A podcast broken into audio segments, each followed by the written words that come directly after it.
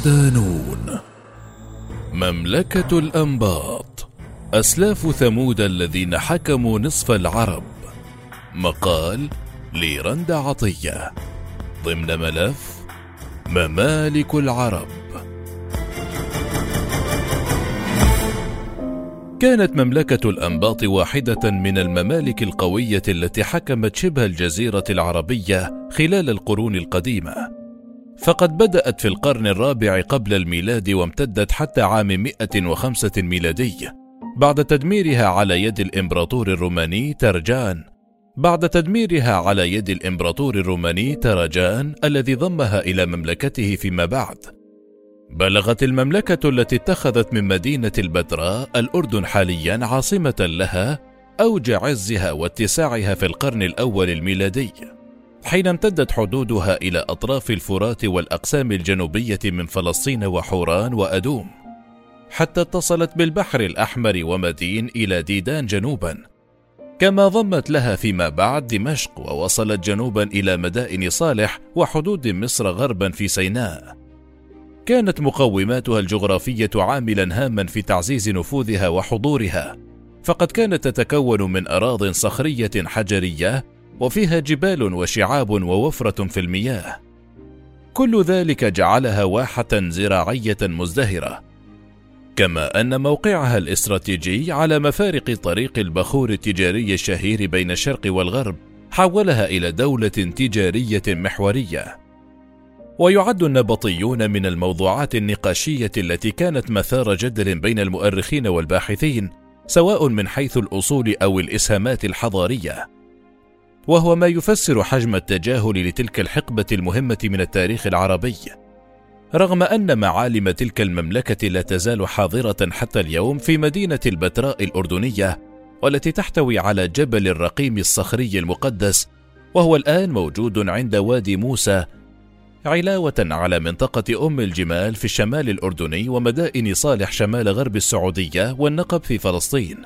فماذا عن تلك المملكة التي غابت عن اهتمام المؤرخين لقرون طويلة؟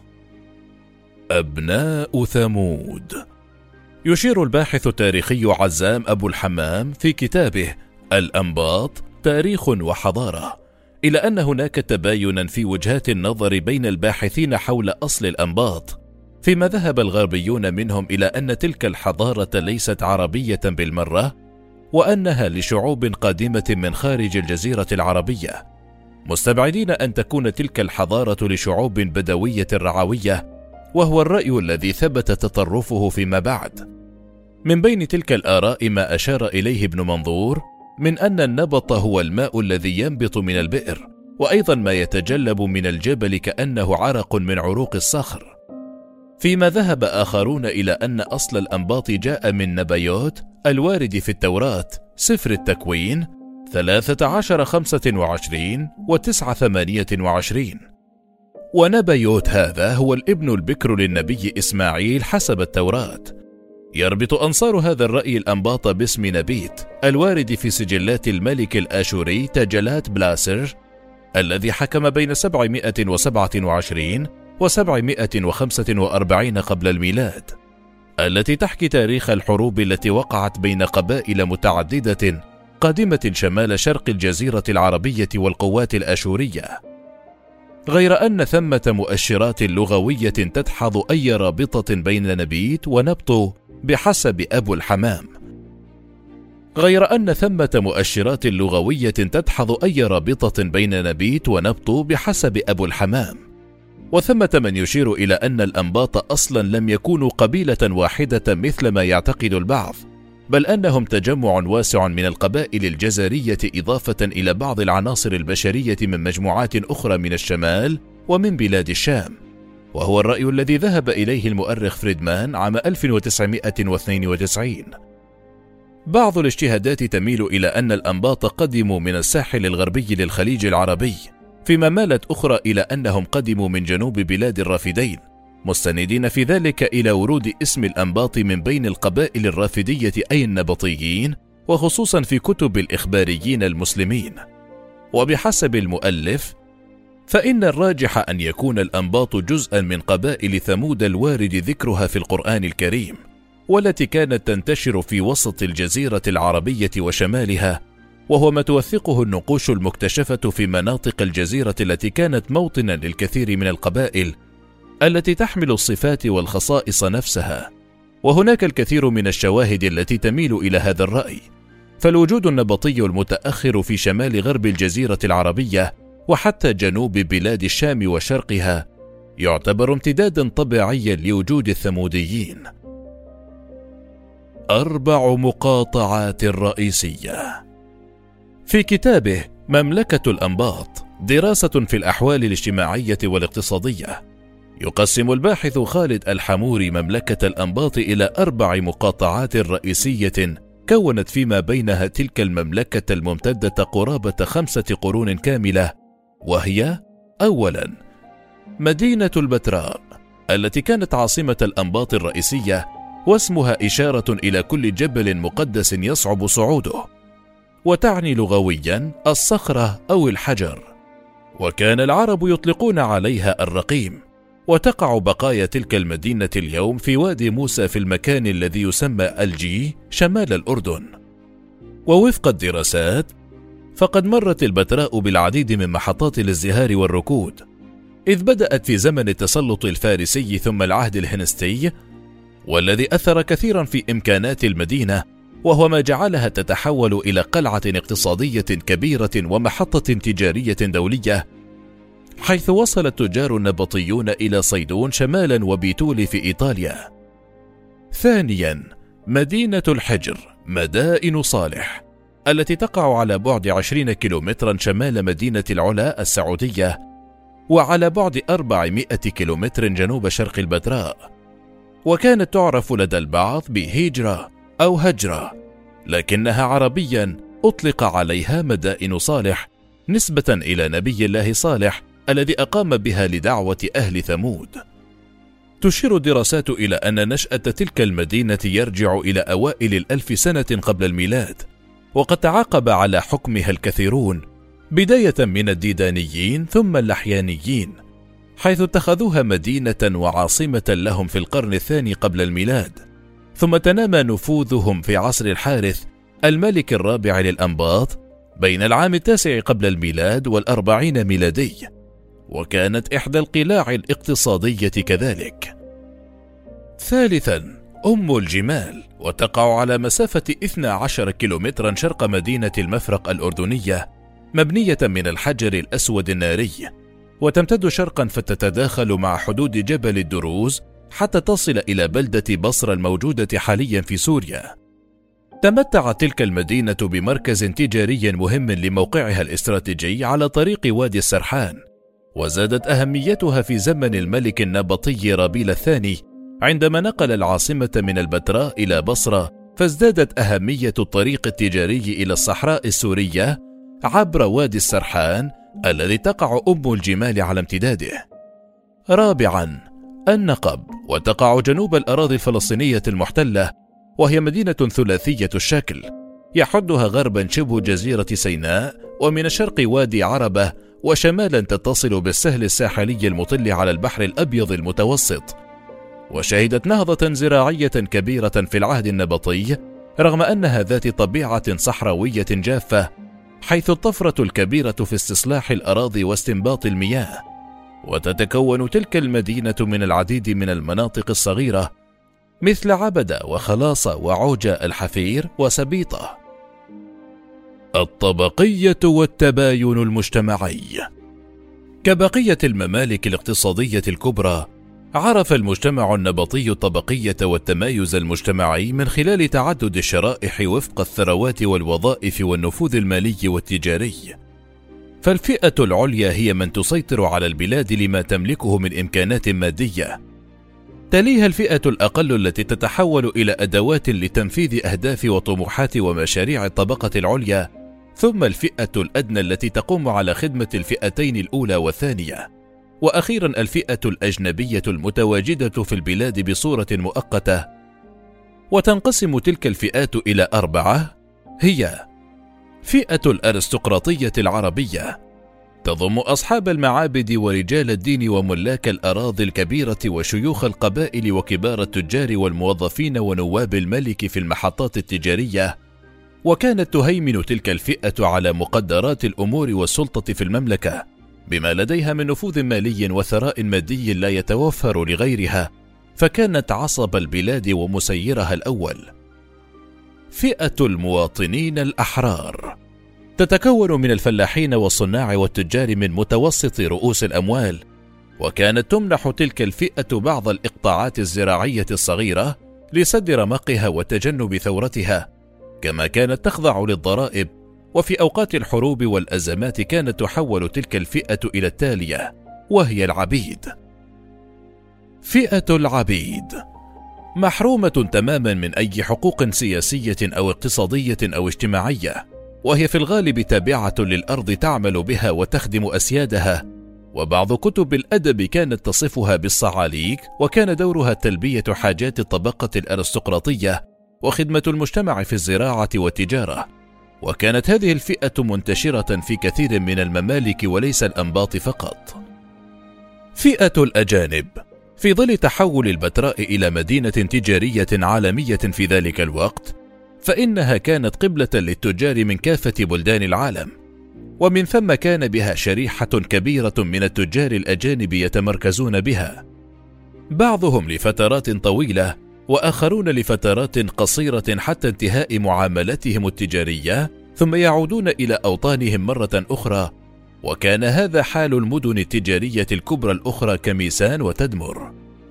تعاقب على حكم الأنباط أكثر من أحد عشر ملكا أبرزهم حارثة الأول بين 169 و 120 قبل الميلاد وحارث الثاني بين 120 و 95 قبل الميلاد وعباد الأول بين 95 و 88 قبل الميلاد وربئيل الأول بين 88 و 87 قبل الميلاد وحارث الثالث بين 87 و 62 قبل الميلاد وعباد الثاني بين 61 و 60 قبل الميلاد مالك الأول بين 62 و 30 قبل الميلاد عباد الثالث بين 30 و 9 قبل الميلاد مالك الثاني بين 40 و 70 ميلادي وربئيل الثاني بين 70 و 106 ميلادية. الحياة الدينية. يعد النبطيون من أكثر شعوب العرب تدينا حيث للآلهة مكانة خاصة مقدسة لديهم ورغم عدم توفر الكثير من الوثائق حول ديانة الأنباط إلى أن الراجح في ضوء ما وصل أنهم كانوا وثنيين حيث عبدوا الشمس في احتفالات أقيمت على قمم المعابد. وقاموا بتكريم آلهتهم في المنازل والشوارع من خلال احتفالات خاصة. هناك عشرات الآلهة التي عبدها النبطيون. أبرزهم الإله ذو الشرى الذي يأتي على رأس مجموعة الآلهة النبطية فهو الرب الأكبر الذي اتسم بطبيعة كوكبية متمثلة بالشمس واشتهرت عبادته في العاصمة البتراء ومنها انتشرت عبادته إلى سائر الأنحاء. وكان يقصده الحجيج كل عام في يوم الخامس والعشرين من ديسمبر كانون الثاني للتقرب إليه وسؤاله وتعبده. علاوة على ذلك كانت هناك آلهة أخرى منتشرة في معظم مدن المملكة منها اللات وهبل وشيع القوم والكتبة ومنات والعزى وقوس وقيس ومناف وسعد وسعيد ورضا وإيزيس وأعرى وبصرة والجي وداد أو حدد وتره أو تهره وأترجاتيس. كما اهتم الأنباط بالمعابد الدينية فجعلوا لها أفضل المباني وأضخمها تمجيدا للآلهة. وكانت تختلف أشكال المعابد فمنها ما هو مربع وآخر مستطيل إلا أن معظمها كان تكعيبيا وهو الأسلوب الأكثر انتشارا في سوريا والجزيرة العربية والعراق. ومن أشهر المعابد التي بناها النبطيون معبد خربة الذريح ومعبد خربة التنور ومعبد قصر البنت ومعبد اللات في وادي رم والخزنة. العمارة والتحضر تميز الأنباط في تدشين مبانيهم على أسس معمارية فريدة، فهم من الممالك القليلة التي نجحت في تحويل الصخر والحجارة إلى مدن وقرى لا تزال حاضرة حتى اليوم. وتنوعت المباني المشيدة لتشمل بيوت الشعر أو الخيام البدوية، كذلك الكهوف والمغاور التي بنيت من الطين والحجر، وقد حلت لاحقا محل الخيام. ومع التطورات اللاحقة انتقل النبطيون إلى البيوت الحجرية والتي لا يزال بعضها في جنوب الأردن حتى اليوم. وكانت تلك البيوت أقل كلفة وأطول عمرا ثم انتقلوا إلى البيوت الحجرية الطينية وكانت في الغالب حجرة أو حجرتين ثم زادت حتى وصلت إلى عدة حجرات وما زال هذا النمط منتشرا في بعض القرى حتى اليوم في الأخير جاءت البيوت الحجرية المهندسة وكانت سمة المباني العامة وبيوت الطبقة الأرستقراطية إذ كانت تتمتع بطرز معمارية جيدة ومتقدمة مقارنة بما كانت عليه معظم البيوت في ذلك الوقت. وتشير الدراسات إلى أن العمارة النبطية كانت مزيجا من عدة أنماط مختلفة من العمارة، منها العمارة الدينية مثل المعابد، والعمارة السكنية مثل القصور والمساكن العامة، ثم العمارة العامة مثل المسارح والحمامات والمخازن، وأخيرا العمارة الجنائزية مثل القبور وغيرها. إضافة إلى المظاهر العمرانية اهتم الأنباط بالفنون والآداب بشتى أنواعها.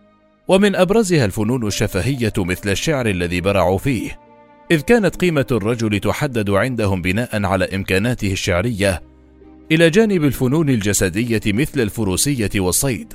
هذا بجانب الرسوم والنحت وهو ما توثقه النقوش التي عثر عليها على جدران المعالم الأثرية المتواجدة في الأردن.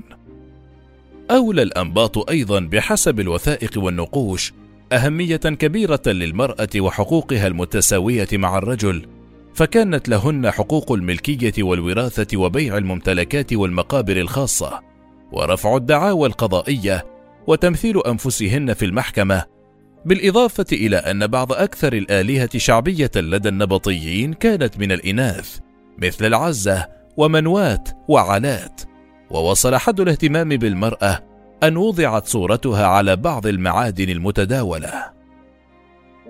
ملتقى تجار العالم. يعد تفوق الأنباط الاقتصادي هو السمة الأبرز لحضارتهم القديمة فليس هناك ثمة خلافات بين الباحثين على أن التفوق التجاري الزراعي الصناعي للنبطيين هو سر اهتمام العالم بهم في هذا الوقت، حيث كانوا ملتقى تجارة الدول والممالك والحضارات المتواجدة آنذاك، بعدما تحولوا إلى محطة أساسية تربط بين تجارة الشرق والغرب. عرف الأنباط تجارة القوافل منذ زمن بعيد، وكانوا قبل بناء مملكتهم ونزوحهم إلى منطقة جبال الشراه يعملون كمقدم خدمات وفي تأمين القوافل وهو ما أهلهم بعد ذلك في أوج قمتهم لأن يكونوا متمرسين في هذا المجال حتى باتوا بارعين فيه بصورة جعلتهم قبلة التجار من كافة الدول المجاورة. ومما صنع المركز الاستراتيجي للأنباط كقلعة اقتصادية كبيرة شبكة الطرق والمواصلات التي كانت تشرف عليها وساعدت في تعزيز ثقلها الإقليمي. ومن أبرز تلك الطرق الطريق إلى اليمن إيلي العلا تيماء مكة. الطريق إلى الشرق وادي السرحان تيماء الخليج. الطريق إلى الغرب إيلي عصيون جابر النقب غزة العريش الإسكندرية. الطريق إلى الشمال البتراء ترجان السلطاني بصرة. ثم الميناء البحري على البحر الأحمر لويكي كومي. استمد الأنباط مكانتهم الاقتصادية كما أشير سابقا من موقعهم التجاري حيث البضائع الغنية لشمال المنطقة العربية التي كانت تأوي إلى البتراء. ثم يعاد توجيهها إلى مصر وسوريا واليونان وإيطاليا من خلال الإسكندرية وغزة وبعضها كان يبحر من البحر الأحمر هذا بجانب العوائد المادية الكبيرة التي كانوا يحصلونها من ضرائب مرور القوافل التجارية العابرة من بلادهم. ومن أبرز السلع التي كان يتاجر فيها الأنباط العطور اليمنية والمنسوجات الحريرية من دمشق والصين. بجانب الحناء العسقلاني واللآلئ من الخليج العربي. إضافة إلى الذهب والفضة وبعض المنتجات الأخرى كمواد التجميل والبخور وزيت السمسم كما تاجروا في المعادن الحديدية كالأسلحة والعملات الفضية والنحاس والبرونز علاوة على الفخار النبطي الذي كانت تتميز به المملكة. كما كانت تربية المواشي والثروة الحيوانية من الأنشطة الاقتصادية المألوفة فقد ساعدتهم على ذلك المساحات الشاسعة من الأراضي والمراعي واستغلال موارد المياه المتواجدة لدعم تلك الثروة التي احتلت مكانة كبيرة لدى مجتمع النبطيين. الأمر ذاته في القطاعات الخدمية الأخرى كالبناء والنحت والرسم وغير ذلك من فنون الحياة الاقتصادية. ويبدو أن هذا الرخاء الاقتصادي والأهمية الاستراتيجية للمملكة النبطية كان مثار غيرة ملوك الممالك الأخرى ممن أرادوا الهيمنة على طرق التجارة التي كانت تشرف عليها الدولة النبطية. وبالفعل هاجمها الإمبراطور الروماني تراجان عام 106 ميلادية ليحاول بعد ذلك خط سير الطريق التجاري المار من البتراء إلى مدينة بصرة وهو ما سرع من انهيار المملكة بعد قرون من الريادة.